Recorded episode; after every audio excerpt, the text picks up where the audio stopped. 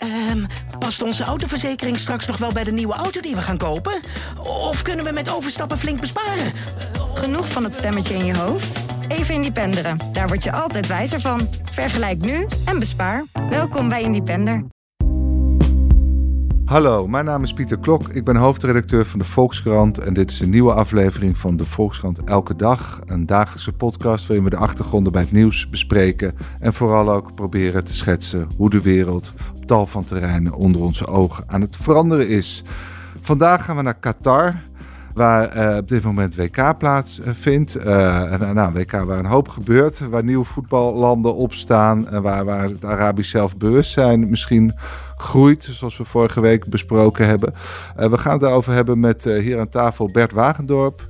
Goedemorgen. Decennia lang sportverslaggever, daar, daarna decennia lang columnist. nog steeds columnist bij de krant en heeft een, een rubriek twee keer per week, denk ik. Twee keer per week, Het, het ongemak waarin hij schrijft over uh, dit merkwaardige voetbaltoernooi en alle ongemakkelijke gevoelens uh, die dat opwekt. Uh, en aan de telefoon hebben we Willem Vissers. Welkom Willem. Ja, hallo Pieter en Bert. Sinds jaar en dag onze voetbalverslaggever. en Willem, om met jou te beginnen, je hebt al heel veel WK's en EK's meegemaakt. waarin onderscheidt dit toernooi zich precies? Als je, het, als je de hele voorgeschiedenis even wegdenkt, gewoon zoals het daar nu is. Nou, het meeste natuurlijk de compactheid. Ik weet nog dat ik bij het vorige toernooi in Rusland. Dan ben ik een keer met de trein van Moskou naar Nizhny Novgorod geweest. En toen heb ik ongeveer 20 uur in de trein gezeten. En die stopte ongeveer bij elke straathoek, die trein. En, uh, en nu is bijna alles in en om Doha geconcentreerd. Op één stadion na wat iets verder ligt. Maar je bent overal binnen een uur, bij wijze van spreken. En dat is natuurlijk wel, uh, ja, qua gemak is, dat, uh, is het niet beter te bedenken. Want het openbaar vervoer is ook heel goed. Ja, wij doen meestal bijna alles met de Uber of met, met de metro. Maar die Uber is heel goedkoop en heel, er zijn ontzettend veel Uber-chauffeurs. Je, je bestelt er eentje en binnen een paar minuten staat hij voor je neus. En er zit altijd een, uh, een, iemand uit Bangladesh in, of iemand uit India of uit Pakistan. Dat zijn eigenlijk de top drie van de Uber-chauffeurs. En uh, ja, die, die, die brengen je naar de plek toe waar je naartoe moet gaan. En dan betaal je vrij weinig. Er is ook een metro, toch, of niet? Er is ook een metro, maar dat, is van, dat ligt hier niet dicht bij het huis waar ik zit. Dus dat, dat doen we wel als we echt in de stad zijn. Maar voor de rest doen we heel veel met de Uber. En we doen veel met het busvervoer van, uh, van, van de stadions. Dus er is, na de wedstrijd gaan er mediabussen terug naar het hoofdperscentrum. En daar kun je heel goed gebruik van maken. Ja, en, en Willem, als je daar uh, door Doha loopt, uh, hoe, wat zie je van het WK? Je ziet met name in Doha is, is er gewoon bij de fanzones is geweldig veel te doen. Er is elke dag is daar, ik ben daar een paar keer geweest en één keer kon ik er zelfs niet eens op. Op dat fan uh, ding. Het was gewoon te vol. Het was een van de eerste dagen. En, en nu kom ik eigenlijk niet zo erg aan toe. En toen werden zelfs op een gegeven moment werden hekken bijna opzij geduwd. Omdat de mensen gewoon naar binnen wilden. Dus daar komen gewoon duizenden mensen. Er zijn vaak optredens. Vorige week zijn ook uh, onze discjockeys Tiesto en Armin van Buren daar geweest. En uh, ja, die er is, elke dag is daar een optreden. Er zijn worden wedstrijden uitgezonden. Er is van alles te doen. Het is daar in, die, in, in, in de stad is het ontzettend druk. Met supporters eigenlijk uit alle landen die er meedoen. Maar vooral dan inderdaad uh, heel veel Arabische mensen. En Mexicanen en Argentijnen. Die zijn eigenlijk het meest opgekomen hier. De, de, de, de Argentijnen heeft ook te maken met het, met het naderende afscheid van Messi. En uh, Mexicanen die zijn eigenlijk altijd op toernooien heel veel, heel massaal aanwezig. En die fanzones, hoe moet ik dat zien? Is dat gewoon uh, een omheinde buitenruimte? Of? Ja, dat is een omheinde buitenruimte. Daar kun je dus wel bier drinken. Uh, wat, je, wat je in de rest van de stad vrij moeilijk kunt. Er zijn bepaalde hotels en zo waar je wel bier kunt drinken. En wij weten ook op onze manier wel aan wat bier te komen als we er echt zin in hebben. Maar uh, over het algemeen is het natuurlijk niet te krijgen. Dat, dat heeft ook wel, ja, moet ik zeggen, wel zijn, zijn voordelen. Want er lopen nauwelijks dronken supporters over straat. Wat een van mijn grootste ergernissen in het voetbal bij ons is. Dat heb je allemaal niet. Dus het is een, een, een redelijk uh, beheerst. En dat vind ik eigenlijk wel opvallend. Ik had verwacht dat ze wel problemen zouden krijgen met crowd control. Met name omdat er eh, eigenlijk maar één stad is waar gevoetbald wordt. En ja, al die fans uit verschillende landen daar bij elkaar zouden komen. Op een paar plekken waar er iets te doen is. Ik denk dat gaat mislopen. Maar tot nu toe gaat het allemaal wonderlijk goed. Ik denk ook mede omdat er veel minder supporters uit met name West-Europese landen zijn gekomen. Die zijn echt in de minderheid. Waarom zijn ze dan uh, toch nog bezig daar in, uh, in Qatar om supporters te importeren als het ware? Als het toch een soort gastarbeiders zijn, dat ze uit, uit de, waar halen ze vandaan? Uit, uit Libië of Libanon? Die Qatari zelf, ja, die hebben natuurlijk geen harde kern. En hebben, denk ik, hebben ze heel kunstmatig. Ik dacht bij de eerste wedstrijd toen ik dat zag, ik denk wat gek. Kijk, hier gaan naar voetballen, gewoon competitiewedstrijden, gaan een paar honderd mensen kijken. En die zitten heel rustig op de tribune. Als het, als het te warm vinden, gaan ze weer naar huis. En, en uh, dit is natuurlijk niet echt een voetballand. En ze hebben dus gewoon gedacht bij de wedstrijden van Qatar moeten we uh, toch wel een soort van harde kern hebben. En die hebben ze blijkbaar, dat heeft de New York Times geloof ik onthuld, uh, hebben ze die opgeleid in Libanon. En die hebben ze hier dan achter het doel gezet en helemaal geïnstrueerd met Jels en zo. Ja, dat vinden wij natuurlijk allemaal voorkomen belachelijk.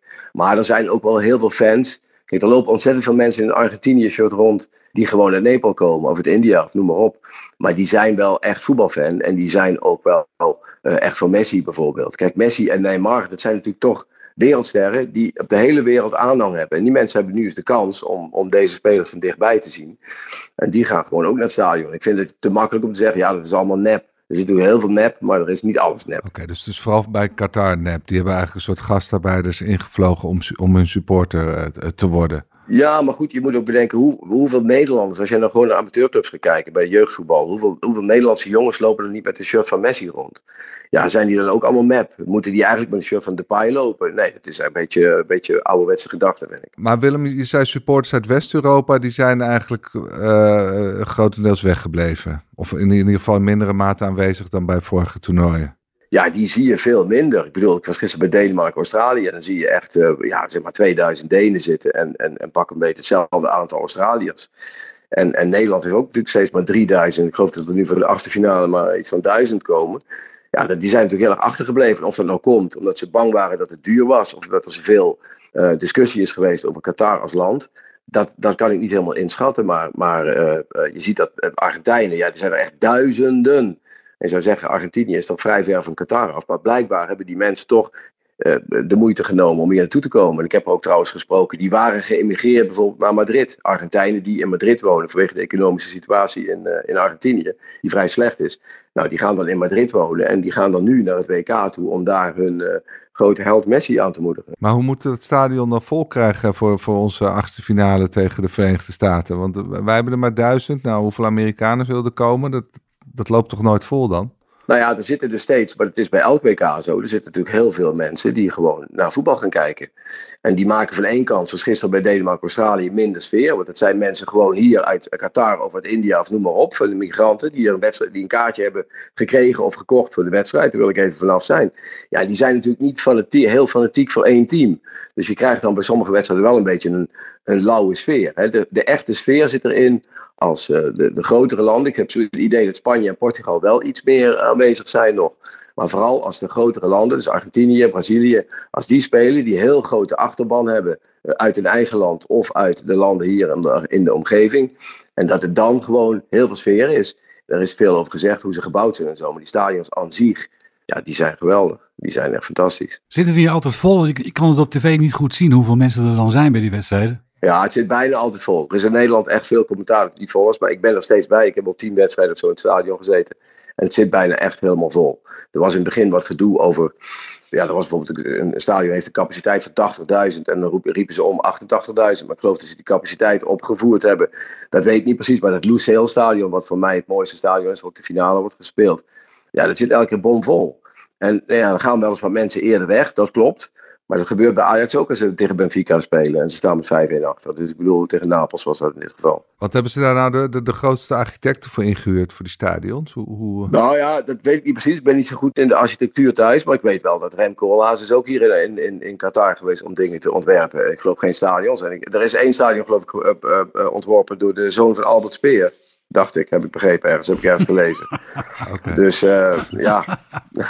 Dan ben je goed bezig. We hadden natuurlijk uh, bij de Nederland-Qatar was ineens Connie Helder op bezoek. Toch de eerste bewindspersoon die namens Nederland uh, een, een, bezoek bracht aan het toernooi. Heb je daar nog iets van meegekregen? Ja, ik heb er wel meegekregen, maar ik heb haar persoonlijk niet gesproken. Er was wel een mogelijkheid toe. Maar we hadden met de krant afgesproken dat het ANP dat zou doen, of de Haagse redactie. Want ik moest drie stukken tikken en ik kwam er niet aan toe om daar uh, naartoe te gaan. Bovendien vond ik het allemaal zo slap. Heb je wel het speltje gezien? Ik vond het zo slappe hap allemaal dat ik daar verder ook. Uh, ja, ik bedoel, ik bedoel, dan gaan ze uiteindelijk. We hebben het de hele week, we hebben het er week over gehad, of wat ze nou allemaal gingen doen. Uiteindelijk komen ze dan overeen dat ze een speltje gaan dragen en dan doet ze het speltje onder haar sjaal. Kijk, dit is de speld. Het is niet voor niks de speld. Maar daar had het goed uh, in gepast eigenlijk. Want dit is echt. Uh, Buiten alle proporties. Ik bedoel, het slaat helemaal nergens op. Maar hier eindigt het wel meteen, hè? Want Louis van Gaal had natuurlijk al eerder gezegd: van jongens, discussie gesloten. We gaan ons nu helemaal op het voetbal richten. Dit was ook de Nederlandse bijdrage aan de discussie. Een piepklein speltje op de borst van een minister. Eh. Nou, dat is niet helemaal waar, want ze zijn in voortdurend overleg. Alleen zij doen het een beetje diplomatiek en het is, vinden het heel veel Nederlanders te weinig. Ja, ik vind dat zelf heel erg moeilijk hoe ik daar nou in moet staan. Ik snap heel goed. Kijk, in Duitsland is het alleen maar gegaan in de kranten over dat gebaar met de hand voor de mond. Ja, de, de verloren van Japan. Toen ging het weer de hele week erover dat dat gebaar met de hand voor de mond te veel had afgeleid en dat ze daardoor misschien verloren hadden. Ik bedoel, als je met politiek gaat begeven in de in de, tijdens het toernooi, dan ben je echt reddeloos verloren. Je moet op een gegeven moment zeggen als coach, als team, tot hier en niet verder. Ik denk dat dat verstandig is. Anders moet je niet gaan sporten, maar dan moet je politicus worden. Maar die dialoog, hè, waar Gijs de Jonge steeds over heeft, met wie? Met wie, met wie hebben ze die dialoog dan? Nou ja, zij willen gewoon dat die verbeteringen die er dan in Qatar uh, uh, voor de arbeidsmigranten zijn bewerkstelligd, die zijn er ook wel. Het wordt niet altijd nagekomen, maar er zijn hier verbeteringen. Het systeem schijnt hier beter te zijn dan in de omringende landen. Dat dat blijvend is. Ja, en dat weet je natuurlijk toch niet. Voor hetzelfde geld is het WK straks afgelopen en zegt die emir van uh, bedankt voor jullie bemoeienis, maar we gaan het nu allemaal weer doen zoals wij het graag willen doen. Dat zou natuurlijk best kunnen, dat weet ik niet. Maar ze proberen in ieder geval op de achtergrond, proberen zij dingen te bewerkstelligen. Hoe moeilijk dat ook is. En ik snap heel goed dat men in Nederland zegt, waar we altijd graag op de tafel gaan staan en zeggen dat wij het allemaal weten. Snap ik heel goed dat we zeggen, ja, die Gijs de Jong, wat is dat nou voor een slap gedoe allemaal? Dat begrijp ik allemaal heel goed. Maar zij hebben besloten de diplomatieke weg te bewandelen. En het niet anders te doen. Dus dat hebben ze al voor het WK gezegd. We kunnen drie dingen doen. Meedoen, niet meedoen of meedoen met eh, onze eigen plannen. Nou, en dat laatste hebben ze gedaan. En, en, je zult altijd zien dat de ene die plannen te weinig vindt en de ander vindt die plannen te veel. Dat heb je altijd. Dat, uh, dat is nou helemaal zo. Maar we kunnen, het vooral niet, we kunnen vooral niet controleren, denk ik, wat ze doen. Dus ze kunnen zeggen van we voeren de dialoog, maar hoe dat precies gaat en in welke bewoordingen dat... Uh... Nou, ze gaan kort na het WK alweer terug. Dan gaan ze weer met die vakbonden, met die ILO gaan ze praten. En dan gaan ze kijken of die, en met Amnesty en noem allemaal maar op. En dan gaan ze kijken of die, of die verbeteringen in de arbeidsomstandigheden die er blijkbaar zijn. Ik bedoel, ik sta er niet elke dag naast, maar die, die zijn er wel. Want je hoort ook die man van de ILO zeggen dat het in Qatar beter is dan bijvoorbeeld in de Emiraten. Waardoor er ook in deze landen weer een dynamiek is. Want zeg maar, de arbeiders die komen, die gaan nu soms liever naar Qatar dan naar de Emiraten. Nou, dan zegt de Emiraten weer, maar wij hebben ook arbeiders nodig. Dus dat moeten we wel weer gelijk trekken. Dus het is allemaal veel ingewikkelder dan wij allemaal denken misschien. Oké, maar dat zijn gewoon goede ontwikkelingen. Willem, wat heeft jou tot nu toe het meest verrast uh, op dit toernooi? Nou ja, ik vind het, het, het voetbal veel te uh, verdedigend over het algemeen. Er zijn heel veel wedstrijden die pas in de loop van de wedstrijd een beetje interessant worden. Het is heel vaak 0-0 nog bij rust. Uh, niet verliezen is toch, het is eigenlijk al, al, al WK's lang aan de gang. Maar niet verliezen is toch vaak een beetje uh, de basis. Hè. We zitten bij Portugal, Uruguay, dat is allemaal zo voorzichtig voetbal. En als er dan eenmaal een doelpunt valt, al dan niet toevallig, dan gaat de andere partij denken: oh, verrek, het is de bedoeling dat we een doelpunt maken bij, bij voetbal. En dan gaat de andere partij ook iets meer doen. Ik vind dat wel jammer. Ik vond het erg leuk dat de Arabische landen het goed deden. Maar dat valt nu achteraf toch weer een beetje tegen. Tunesië is nu, ondanks de zege op Frankrijk, toch wel uitgeschakeld. Saudi-Arabië, begint met een overwinning tegen Argentinië, is toch gewoon uitgeschakeld. dus uh, uh, Marokko, die hebben een goede kans dat ze doorgaan vandaag tegen België. Maar we moeten toch nog even afwachten. Maar die, zijn wel, die hebben een goede kans dat ze doorgaan. Dat had ik echt leuk gevonden. Want ik vind het mooi als andere landen zich ontwikkelen in het voetbal. Dat er nieuwe landen bijkomen. En dat ja, dat zie je nog niet echt. Uiteindelijk zijn straks de kwartfinalisten zijn toch weer uh, over het algemeen de grote landen. Nou, je schreef over Australië vandaag, die, die toch door zijn naar de tweede ronde. En, en die hebben ook een aantal spelers die zich wel heel erg hebben uitgesproken over de situatie in Qatar. Is, is dat ook nog een ontdekking? Nou, die hebben zich van tevoren in een filmpje uitgesproken. Daar zei de KNVB ook over. Kijk, dat is ook. Zij hebben een filmpje gemaakt waarin die spelers zich uitspreken over Qatar. Toen zei ik tegen de, heb ik ook tegen de KNVB gezegd, tegen die Gijs de Jong. Ik zeg, waarom maken onze spelers niet zo'n filmpje? Toen zegt hij, ja, maar de bond van Australië heeft verder helemaal niets gedaan. Die hebben helemaal geen dialoog gevoerd, helemaal niets. En wij doen het op een andere manier. Dus zij doen het meer achter de schermen. Maar als je nou eenmaal voor de schermen iets doet, ja, dan, is het, dan valt het meer op. Dat is nou eenmaal zo. En, maar Australië qua voetbal uh, denk ik niet dat zij van Argentinië gaan winnen. Dat durf ik wel uh, mijn schoenen over op te eten. Bijna. Oké, die hebben we genoteerd. Bert, wat is jou tot nu toe opgevallen aan dit toernooi? Ja, uh, op voetbalgebied vind ik het een ongelooflijk uh, uh, saai toernooi. Ik, ik, ik, ik, elke keer ga ik met goede moed voor een wedstrijd kijken en dan En dan in Nederland zit trouwens, is, blinkt daar ook in uit, dat eeuwige tikwerk, dat, daar word ik echt helemaal gek van. En ik vraag me af, heeft dat te maken met het, het tijdstip in het seizoen waarin het gehouden wordt? De, normaal is het aan het eind van het seizoen dat een WK komt. Nu komt het halverwege. Zou je verwachten, die jongens zijn nog fit en die zijn nog uh, fris en fruitig? Helemaal niet. Of heeft het te maken met, uh, met uh, de, de omstandigheden, zeg maar, de temperatuur bijvoorbeeld? Ja, Willem, wat, wat is jouw, waarom denk jij, want, want het zijn inderdaad de laatste jaren is een trend naar steeds verdedigende voetbal, maar ik kan me toch echt wel leukere toernooien herinneren. Wat is jouw verklaring van, van dat saaie spel? Nou, ik geloof niet dat het heel veel saaier is dan bijvoorbeeld het vorige toernooi. Um, de temperatuur, denk ik dat wel. Het is in die avond dat er gespeeld wordt. Nu beginnen de wedstrijden hier om 6 uur en om 10 uur. Nou, dan is het echt al helemaal donker. Dan is het nog wel warm, maar uh, toch wel te voetballen. Het is niet veel heter dan bij voorgaande toernooien, waar het ook vaak heel warm was. In, uh, in Korea of in uh, waar dan ook, waar het allemaal gespeeld werd. Zuid-Afrika. Tactiek overheerst. En je ziet dat, dat voetbal niet meer een spel is van. ik heb deze week ook geschreven ergens in een stuk van. Ga gewoon poten, bij wijze van spreken. maak twee teams en ga lekker een wedstrijd voetballen. Maar dat gebeurt niet meer, want en met name het Nederlands elftal is wel de overtreffende trap van saaiheid. Saaier dan ooit tevoren? Want Louis van Gaal die is toch van de aanvallende school? Wat is er met hem gebeurd? Nou ja, Louis van Gaal ziet dat hij... Kijk, Louis van Gaal is twee keer bondscoach geweest op een BK. In 2014 waren zijn beste spelers aanvallers. Dat waren Van en Robben die probeerde hij te lanceren. En nu zijn zijn beste spelers verdedigers. En hij wil gewoon heel graag het WK winnen. En hij ziet dat allerlei andere ploegen meer kwaliteit hebben. Dat is gewoon zo. Ik bedoel, ik was deze week bij Portugal. Die hebben ten opzichte van Nederland zoveel kwaliteit op elke positie. Die hebben op de reservebank gewoon drie, vier, vijf spelers zitten die bij ons gewoon moeiteloos in de basis zouden staan. Dus die hebben gewoon veel meer kwaliteit. Spanje, Frankrijk, noem maar op. Dus hij denkt, ja, er is maar één manier om te winnen. Dat is uh, David tegen Goliath. Slim zijn.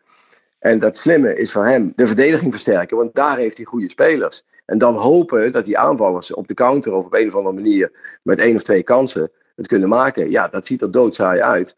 Ik vind het echt heel erg jammer, want als Nederlanders zijn we toch een beetje ja, verwend. We willen graag goed voetbal zien en iedereen begint over 74 of over een ander toernooi, of 98, noem maar op.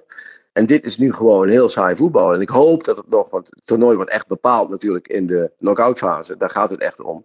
Dat dat nog verbetert. Maar ik ben bang dat het hier een beetje in, uh, in blijft steken. Straks hebben ze uh, vijf wedstrijden. Dan worden ze in de kwartfinale worden ze uitgeschakeld. Dan heb je dus vijf waardeloze wedstrijden gehad. En, wat, en wat, wat heb je dan bereikt? Met je, met je geroep van wij worden wereldkampioen. Wie kan een end? Helemaal, helemaal niks toch? Dan kun je toch beter leuke wedstrijden spelen? Vandaag was mijn laatste zin van mijn beschouwing was, als Nederland verliest van de Verenigde Staten, zijn we dit toernooi binnen één minuut vergeten van Nederland. Ja, dat is, dat is gewoon zo. Maar dat was ook zo met Bert van Marwijk in 2010, want dat vergeten we wel eens. Maar dat waren ook gort, droge, saaie wedstrijden. Die poolwedstrijden waren echt niet om aan te gluren. Toen moesten ze in de tweede ronde tegen Slowakije weer niet om aan te gluren. Maar die had ook gewoon vier verdedigers opgesteld. Daarvoor Van Bommel en, en Nigel de Jong als, als, als uh, gordel op het middenveld. En daarvoor stonden een paar spelers. Robben was in het begin van dat toernooi nog geblesseerd. Die kwam er langzaam een beetje in. Die ging elke wedstrijd wat meer voetballen. Van Persie moest daar een beetje doen. Was echt niet om aan te zien. Dan krijg je de kwartfinale. Als die waren uitgeschakeld door Brazilië, wat normaal gesproken gebeurd was, stond 1-0 achter. Dan had iedereen gezegd: Nou, dit toernooi moeten we gauw vergeten. Ik doe net of ik het nooit gezien heb, want ik wil er niks mee te maken hebben. Nou, dan komt er in de 50ste minuut tegen Brazilië komt er, uh, een omkering. En Nederland draait die wedstrijd om, wint. Wint ook van Uruguay in een best wel aardige wedstrijd. En maakt er dan weer een potje van tegen Spanje in de finale. Ja, dus het toernooi is van één kant mislukt qua voetbal. Heel vervelend voetbal, noem maar op. Maar wel in de finale gestaan. Ja, zo'n soort scenario, daar hoopt Van Gaal op. Alleen ik vind het jammer dat hij natuurlijk met Cruijff en Michels de belangrijkste mensen zijn uit het Nederlandse trainersgilde in de geschiedenis. En dat hij altijd een aanhanger was van Michels. Een aanhanger van aanvallend voetbal. Hetzelfde eigenlijk uh, als Cruijff. Alleen Cruijff was wat creatiever en wat intuïtiever. En Vergaal was wat gestructureerder. Maar het was allebei aanvallend voetbal. En nu zitten we op het WK en dan krijgen we gewoon niets te zien. Het is gewoon... Ja, je, je hoopt gewoon dat die wedstrijdbaan, dat, dat ze de klok wat sneller laten lopen. Dat het maar afgelopen, dat je naar huis mag, bij wijze van spreken. En dat is natuurlijk niet de bedoeling. Dus hij kan dit alleen maar goed maken door kampioen te worden, bij wijze van spreken. En zelfs dan zullen we zeggen van ja, was het er allemaal wel waard. Dat gaat dus niet gebeuren. Hè? Dat verschil is gewoon te groot. Nee. We hebben het zaterdag al moeilijk genoeg tegen Amerika. Als we dat halen, dan uh, krijg je Argentinië. Ja. ja, maar nu zeg jij het zelf, dat het verschil gewoon in kwaliteit te groot is. Ja, nee, dat, maar ga je dan uh, de, de, de voorronde spelen met allemaal verdedigers en, en, en dat Dat het een nare Maar Bert, als ik jou goed begrijp, vind je juist als je eh, minder kwaliteit hebt, moet je wat meer de dood of de gladiolen spelen. Ja, meer risico nemen en dan, ga je, dan verlies je maar. Je verliest toch, weet je wel. Dat, dat zie ik helemaal aankomen. Ja, maar goed, het is natuurlijk wel een verschil. Kijk, hij moet natuurlijk een systeem eh, trainen voor de tweede ronde. Je gaat ervan uit als Nederland met Senegal, Ecuador en Qatar in de groep zit, dat Nederland doorgaat. Dus dan probeer je wel je speelwijze die jij zelf hebt verzonnen na de kwalificatiereeks, probeer je te oefenen. Nou ja, eh, je kan niet zeggen, ik ga tegen Senegal 4-3 spelen, de volgende wedstrijd met dat. Dat doet bijna geen enkel team. Ja, de spelers die het normaal nog leuk maakten om naar te kijken, zeg maar Depay die altijd onverwachte dingen deed en zo, ja, die zijn niet echt fit. Dus dan blijft er gewoon niet zo gek veel over. Dan zitten we met allemaal spelers die, die, die best wel aardige eredivisie-spelers zijn, maar niet zeker in aanvallende zin. Als Wout Weghorst invalt, dan denk ik niet van, oh, dan ga ik eens eventjes een extra biertje inschenken, want dat wordt gezellig. En een leu- leuke jongen, maar een vrij saaie speler die afhankelijk is van een voorzet die er niet komt. Dus ja, het is in die zin wel, eh, wel eh, afzien. Is het niet dat, dat we elke keer gewoon veel te veel verwachten en dat het eigenlijk altijd tegenvalt, voetbal? Dat is mijn eigen ervaring. En, en die verwachting is dan gebaseerd op een paar hoogtepunten uit het verleden. Hè? Dat het wel ineens heel bijzonder was, maar meestal is het, valt het toch tegen Maar in die Nations? League speelden we wel leuk voetbal. Oké. Speelden we leuke wedstrijden tegen, tegen, tegen, tegen België, tegen... eh, ja, dus dat waren, dat waren gewoon goede wedstrijden. Ik, dus ik snap het verschil niet helemaal. Van, Nee. Ja, jullie zijn wielmensen, terwijl ik als voetbalmens denk van ja, eh, er gebeurt helemaal niks. Maar jullie vinden dat hele voorspel, eh, vinden jullie allemaal geweldig. Want het leidt uiteindelijk, de ene is een beetje moeger dan de andere. En dat leidt uiteindelijk tot een schitterend eindspel. Maar ja, dat, zo is voetbal, er zit ook een soort opbouw in. Alleen ik vind dat die opbouwfase veel te lang duurt. Zowel in een wedstrijd als in het hele voetbal. Hè, er wordt gewoon veel te veel die bal breed gespeeld en, en, en afgewacht. En teams zijn natuurlijk altijd afhankelijk. Als je ziet hoe Argentinië afhankelijk is van Messi. Alle spelers zijn voortdurend aan het loeren. Waar is Messi? Wanneer kan ik hem aanspelen? Wat gaat hij dan doen? Portugal heeft hetzelfde met Ronaldo. eh, Brazilië met Neymar. Er zijn gewoon te weinig eigenlijk echt hele grote sterren die er ver bovenuit steken. Is ook moeilijk als andere ploegen zo verdedigend spelen. En daarom krijgen die jongens zo godsgruwelijk veel betaald. Als er maar één of twee of drie van zijn, ja, dan is de markt gewoon zo dat je heel veel betaald krijgt. Maar dat voetbal maakt zich eerst al ongeloofwaardig door zo'n toernooi te houden in Qatar. En dan kijk je, het, product dat ze dan in Qatar uiteindelijk leveren, is ook nog niet om aan te zien. Da- Daarmee, daarmee eh, maakt die sport zich toch, komt toch in, in, in, in, in, de- in de gevarenzone. Hier, ik merk het nu om, om me heen. En in, heel Nederland trouwens. Het leeft totaal niet. Er zijn geen aansprekende wedstrijden, er zijn geen, geen aansprekende spelers. Het is allemaal, het is allemaal saai, saai, saai. Nou ja, ik vind Messi een behoorlijk aansprekende speler. Ik zou elke dag wel naar Messi willen gaan kijken. Ja, maar die speelt niet in Nederland, hè? Nee, maar goed bij Nederland. Nee, maar het, is, nee, het spreekt niet echt aan. Het komt ook door de tijd van het jaar natuurlijk. Normaal gesproken zitten we buiten in de, in de zon voetbal te kijken. En dan kijken ook heel veel mensen niet zo echt. Maar dan zitten ze op het terras en dan eh, staat er een scherm. En nu zit iedereen thuis, want het slecht weer. Dus het is sowieso voor de sfeer is dat natuurlijk eh, eh, redelijk funest. Zeker voor hoe Nederland gewend is aan voetbal kijken. Maar ik ben het met je eens dat met name het Nederlands elftal, dat is niet. maar ja, de kijkcijfers je van het WK kijken. Die zijn, die, zijn, die zijn nog wel behoorlijk. Maar ik vind wel dat je gelijk hebt dat dit toernooi wel een soort point of no return is. Van ja, gaan we hier nou mee verder? Al is het goed georganiseerd, noem maar op. Maar moeten we dit blijven doen? Of gaan we gewoon toch WK's organiseren in landen die van voetbal houden? En nogmaals, ik vind er heel veel voordelen. Ik schrijf er vanmorgen ook een column over. Je ziet geen dronken supporters op straat. Uh, uh, je ziet niet zoals in Frankrijk bij, in stadions waar er uh, zwaar bewapende militairen staan. Zodat je elk moment denkt, kan, elk moment kan de Ik heb nog niemand met een geweer of wat dan ook gezien.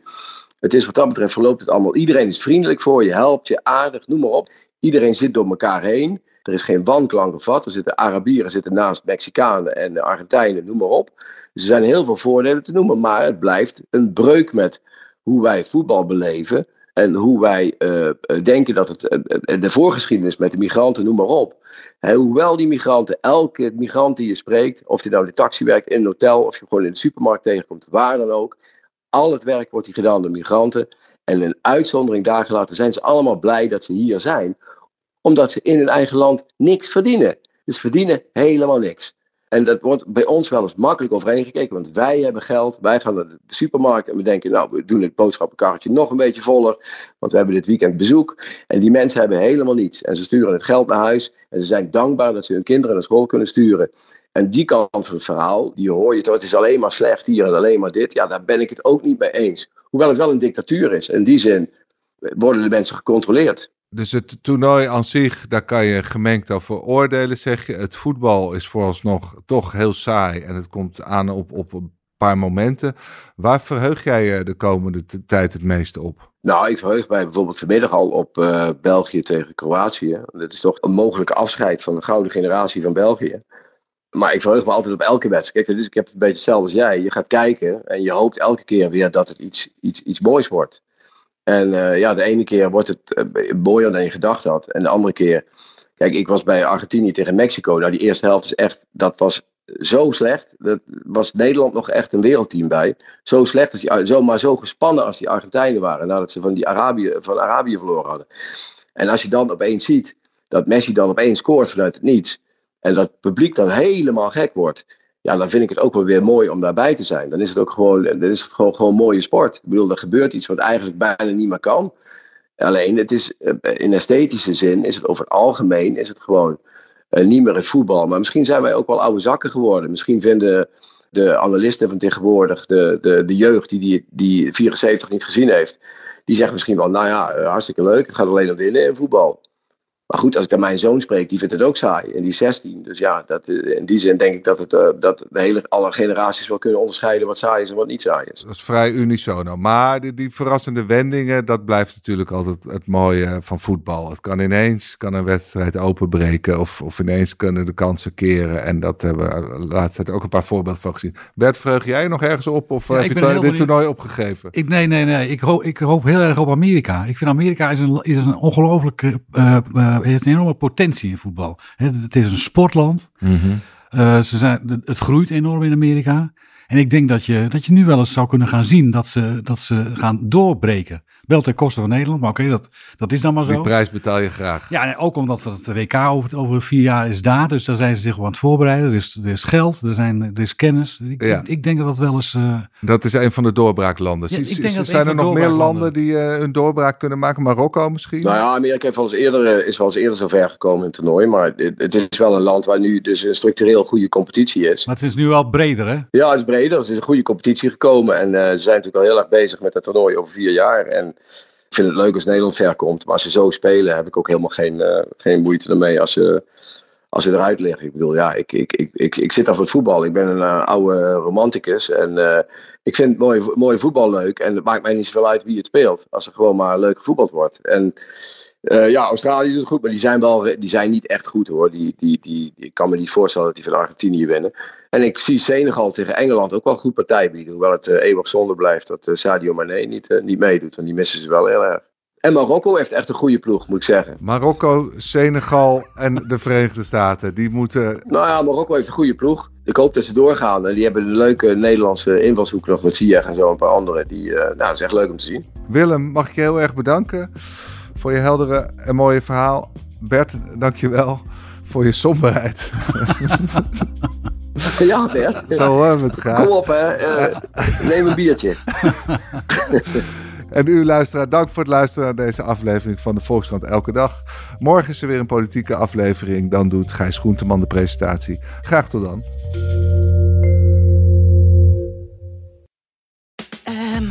Past onze autoverzekering straks nog wel bij de nieuwe auto die we gaan kopen?